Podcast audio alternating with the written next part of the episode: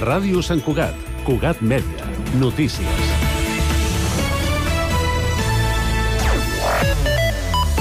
Molt bon dia. El Pi d'en Xandri és una de les entrades més conegudes al Parc de Collserola. La seva imatge amb una gran branca separada fruit de l'afectació de la nevada de 1962 i el seu tronc apuntalat per tutors s'han convertit en un símbol que aquest 2024 fa 250 anys. I és que una de les coses que ha permès el seu seguiment regular després de l'atac que va patir el 1997 és poder datar aquest emblema de la ciutat al 1774.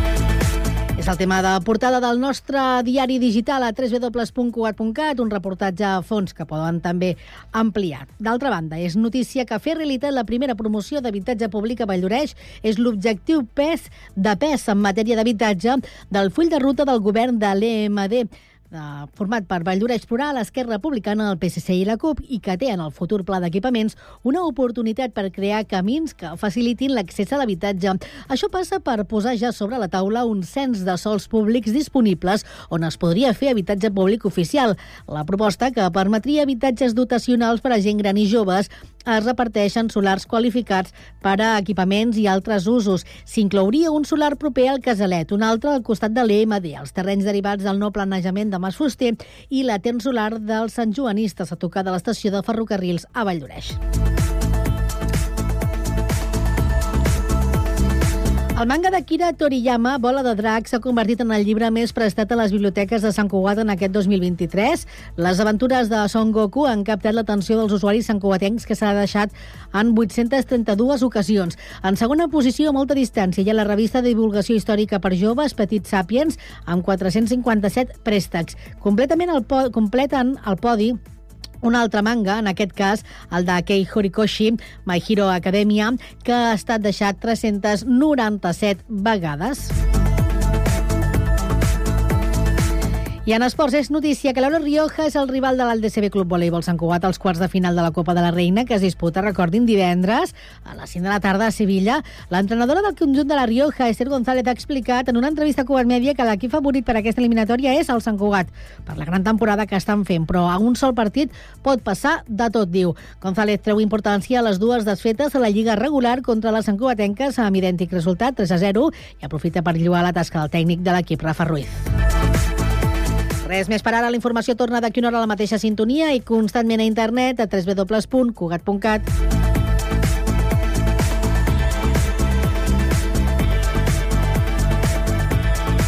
Cugat Mèdia, la informació de referència a Sant Cugat.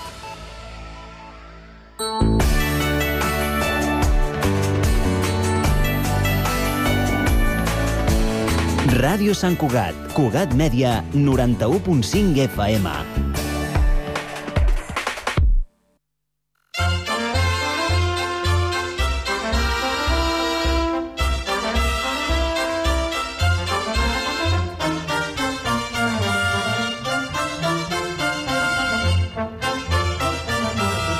Roda d'Amics, amb Miquel Batet. Bon dia, amigues i amics de la Sardana i de Ràdio Sant Cugat. Rebeu salutacions de qui us parla Miquel Batet i de Pablo Palenzuela al control tècnic. Del llibre de la Sardana d'en Lluís Sobirana us llegiré una reflexió sobre la sardana d'en Josep Benet. En Josep Benet va ser abogat, polític, historiador. L'any 1977 va ser elegit senador per l'entesa dels catalans i reelegit el 1700, 1979. Membre del Parlament de Catalunya i l'any 1980 va optar a la presidència de la Generalitat. Aquest article diu això. La sardana és un dels signes d'identitat del nostre poble. Per això no pot morir com ha mort arreu del món tantes altres danses un dia populars. I no morirà perquè aquesta és la voluntat de milers i milers de sardanistes que estimem la sardana. Aviat farà 50 anys que es pretengué d'acabar amb la sardana a la Catalunya Sud en un intent de genocidi cultural. La pretensió no reeixí. La sardana ressorgit amb més força que mai i es va convertir en un dels instruments de redreçament de la Catalunya. L'aportació que els sardanistes van fer en aquests redreçaments és molt important. Vull recordar-lo. Cal recordar-lo. Escrit el missatge al món sardanista l'any 1985 per en Josep Benet. Bé, canviant de tema, i avui escoltarem sardanes gravades eh, o interpretades per la principal de Cassà, que escoltarem sardanes d'en Josep Vicenç i Juli, en Xaixo, en Lluís Cotxo i Güell, Josep Maria Boix i Rissec, Ricard Viladasau, Carles Santiago, René Picamal, Lluís Alcalà, Alfred Abad, en Pitu Chamorro, Esteve Palet, Lluís Bofill, etc. Comencem.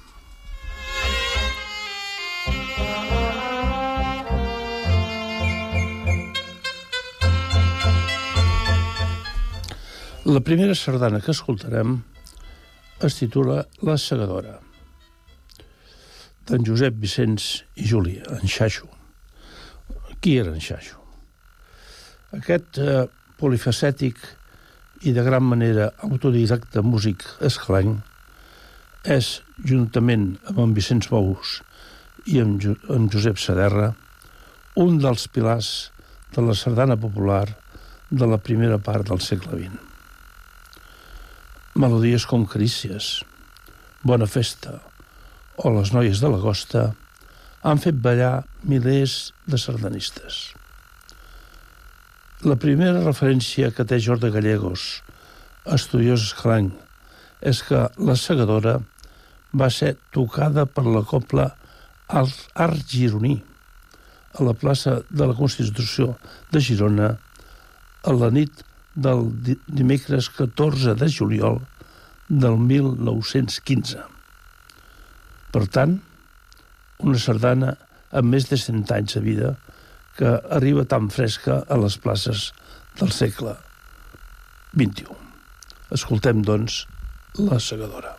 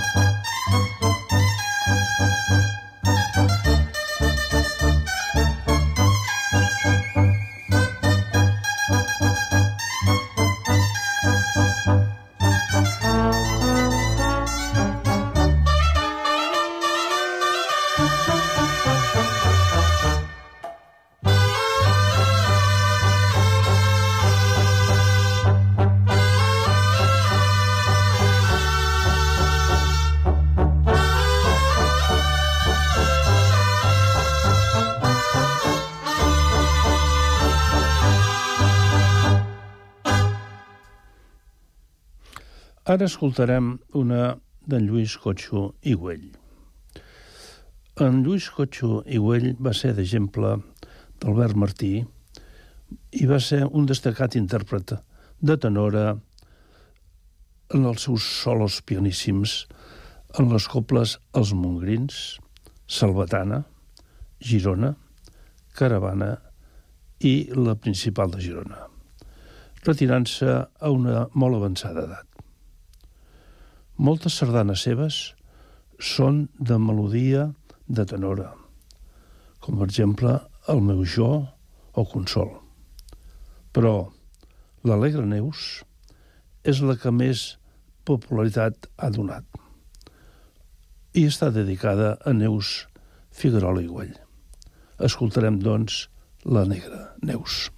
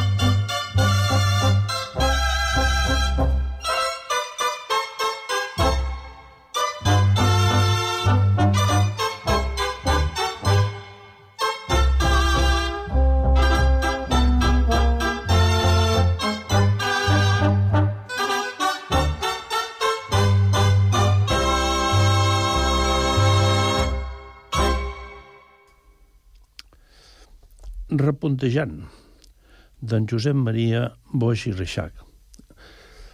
Uh, en Josep Maria Boix, Josep Maria Boix va desenvolupar la major part de la seva activitat artística com instrumentista de tible a la Copla Girona, que va fundar l'any 1925.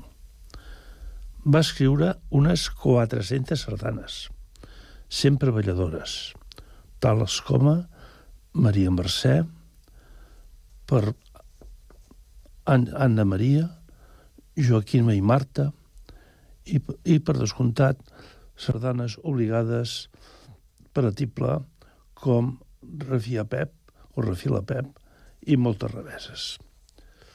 Escoltarem, doncs, Repuntejant, escrita l'any 1967 per en Josep Maria Bosch i Risec.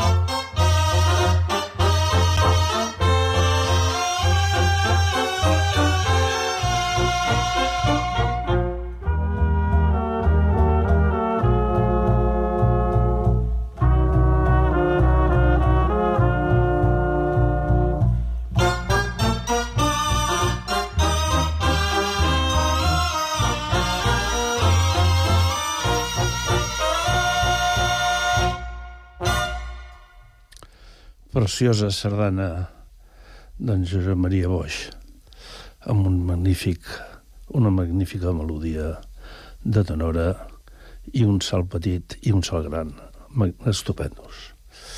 Uh, ara escoltarem una d'en Ricard Viladasau.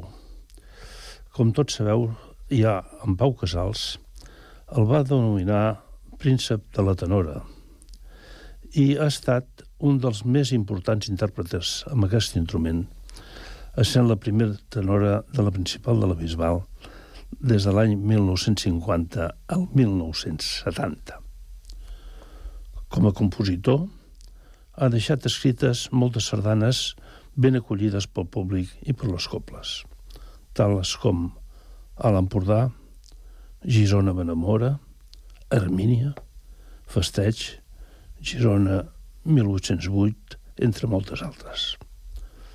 El golfet, que és la sardana que escoltarem, està inspirada en una vella platja de la Calella de Palafrugell.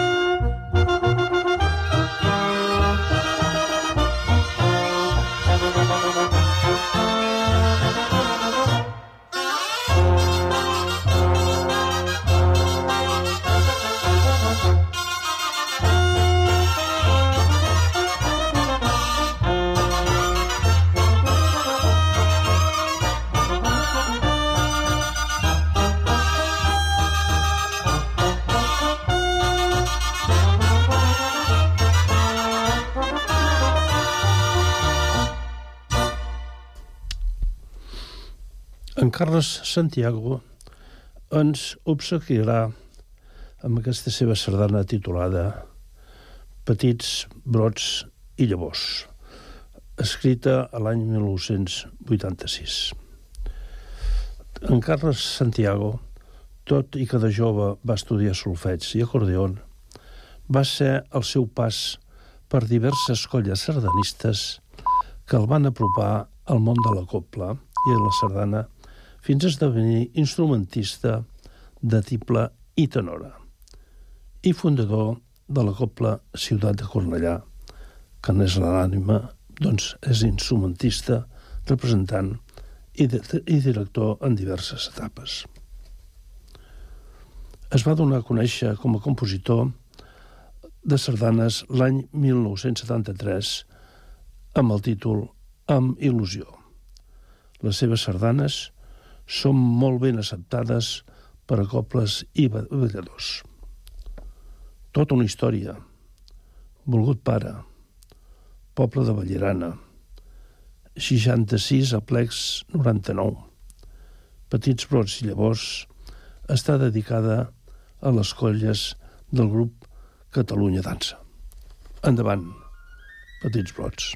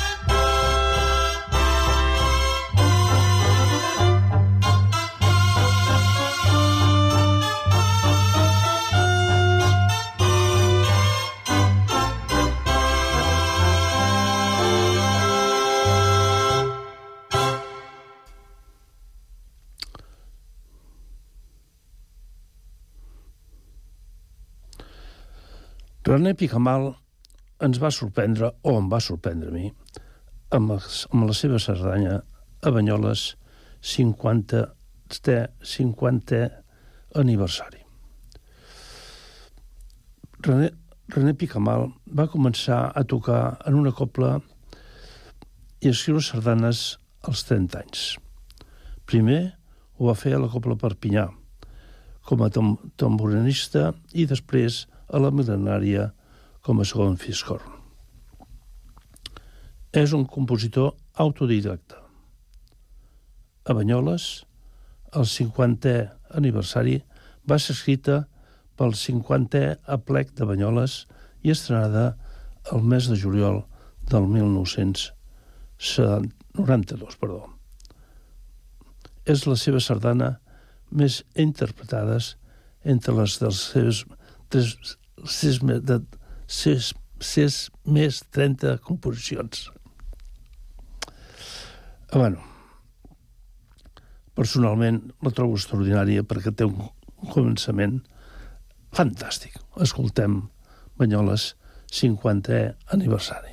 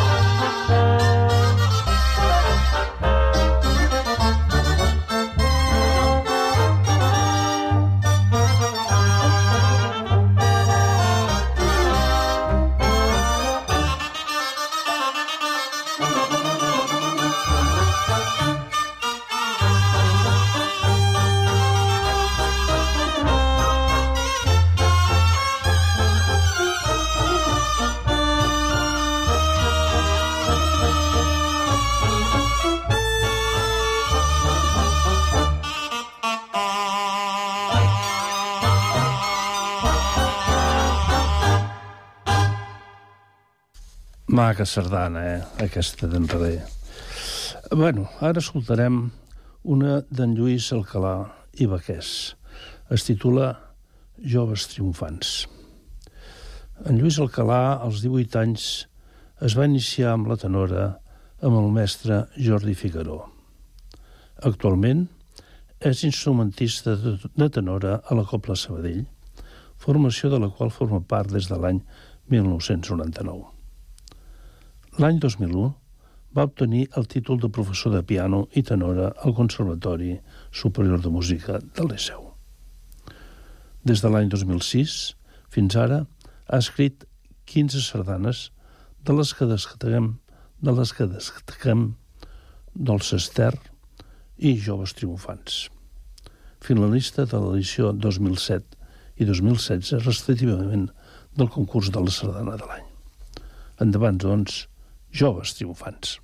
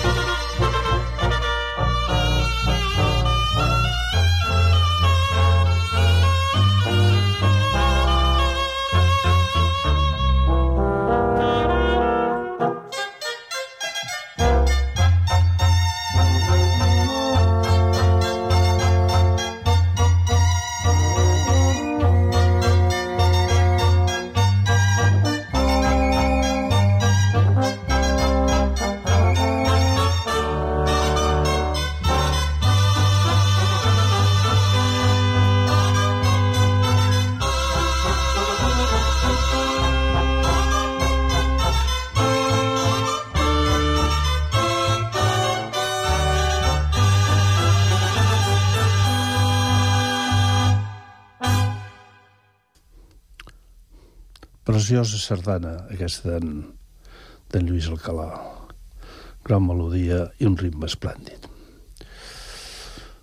Ara escoltarem una que es titula La platja dels boscs, dels bots, la platja dels bots, d'Alfred Abat i Gascon. Un gran sardanista, aquest Alfred Abat.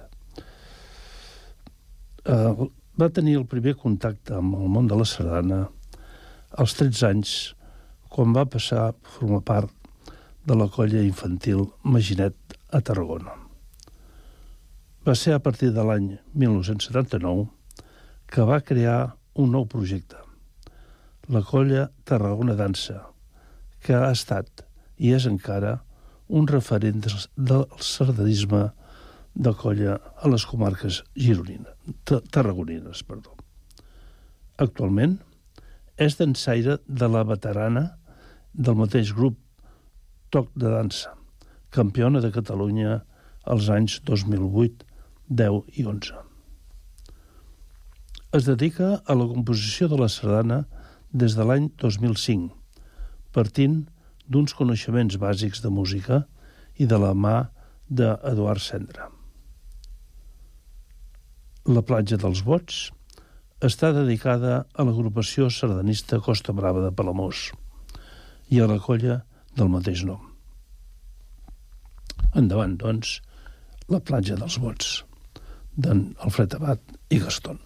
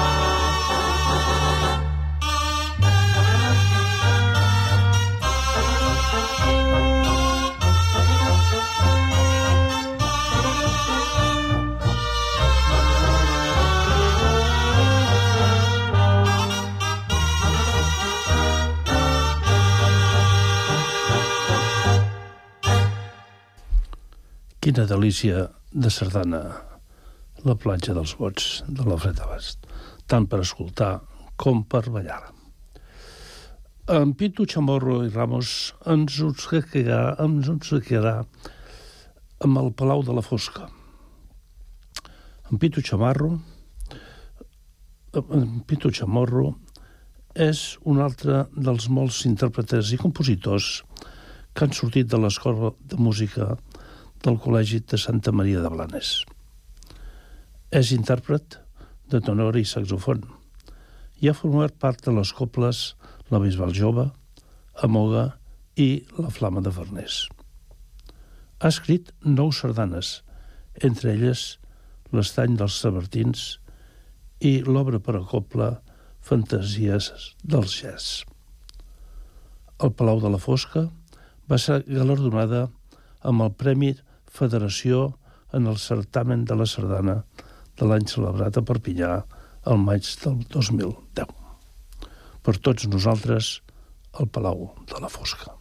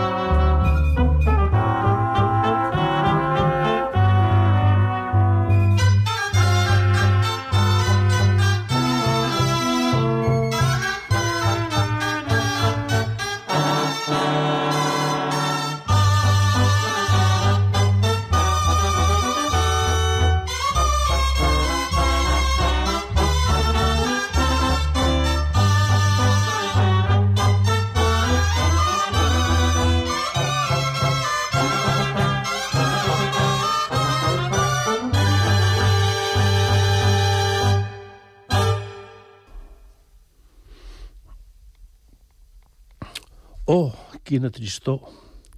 És el títol d'una sardana. Una sardana de l'Esteve Palet i Mir. L'Esteve Palet i Mir és fill i net de músics.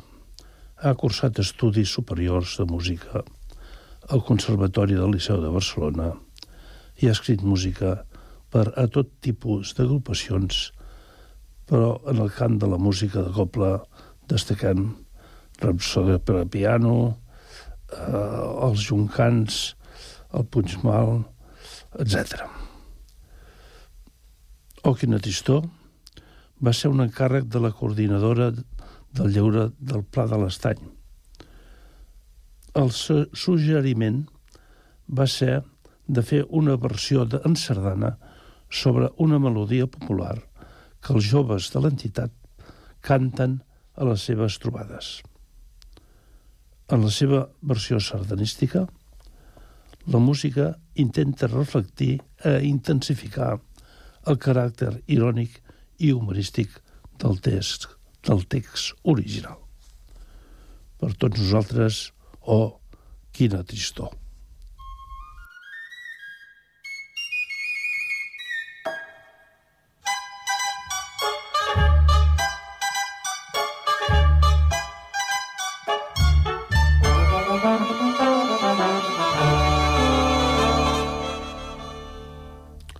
Amb la música interpretada per la principal de Cassà i desitjant que us hagi agradat el programa, ens, ens despedim fins la propera amb Pablo Palenzuela, el control tècnic, i que us està parlant i ha estat amb vosaltres, en Miquel Batet. I sobretot, sobretot, sigueu feliços. Escolteu i balleu sardanes. Peace.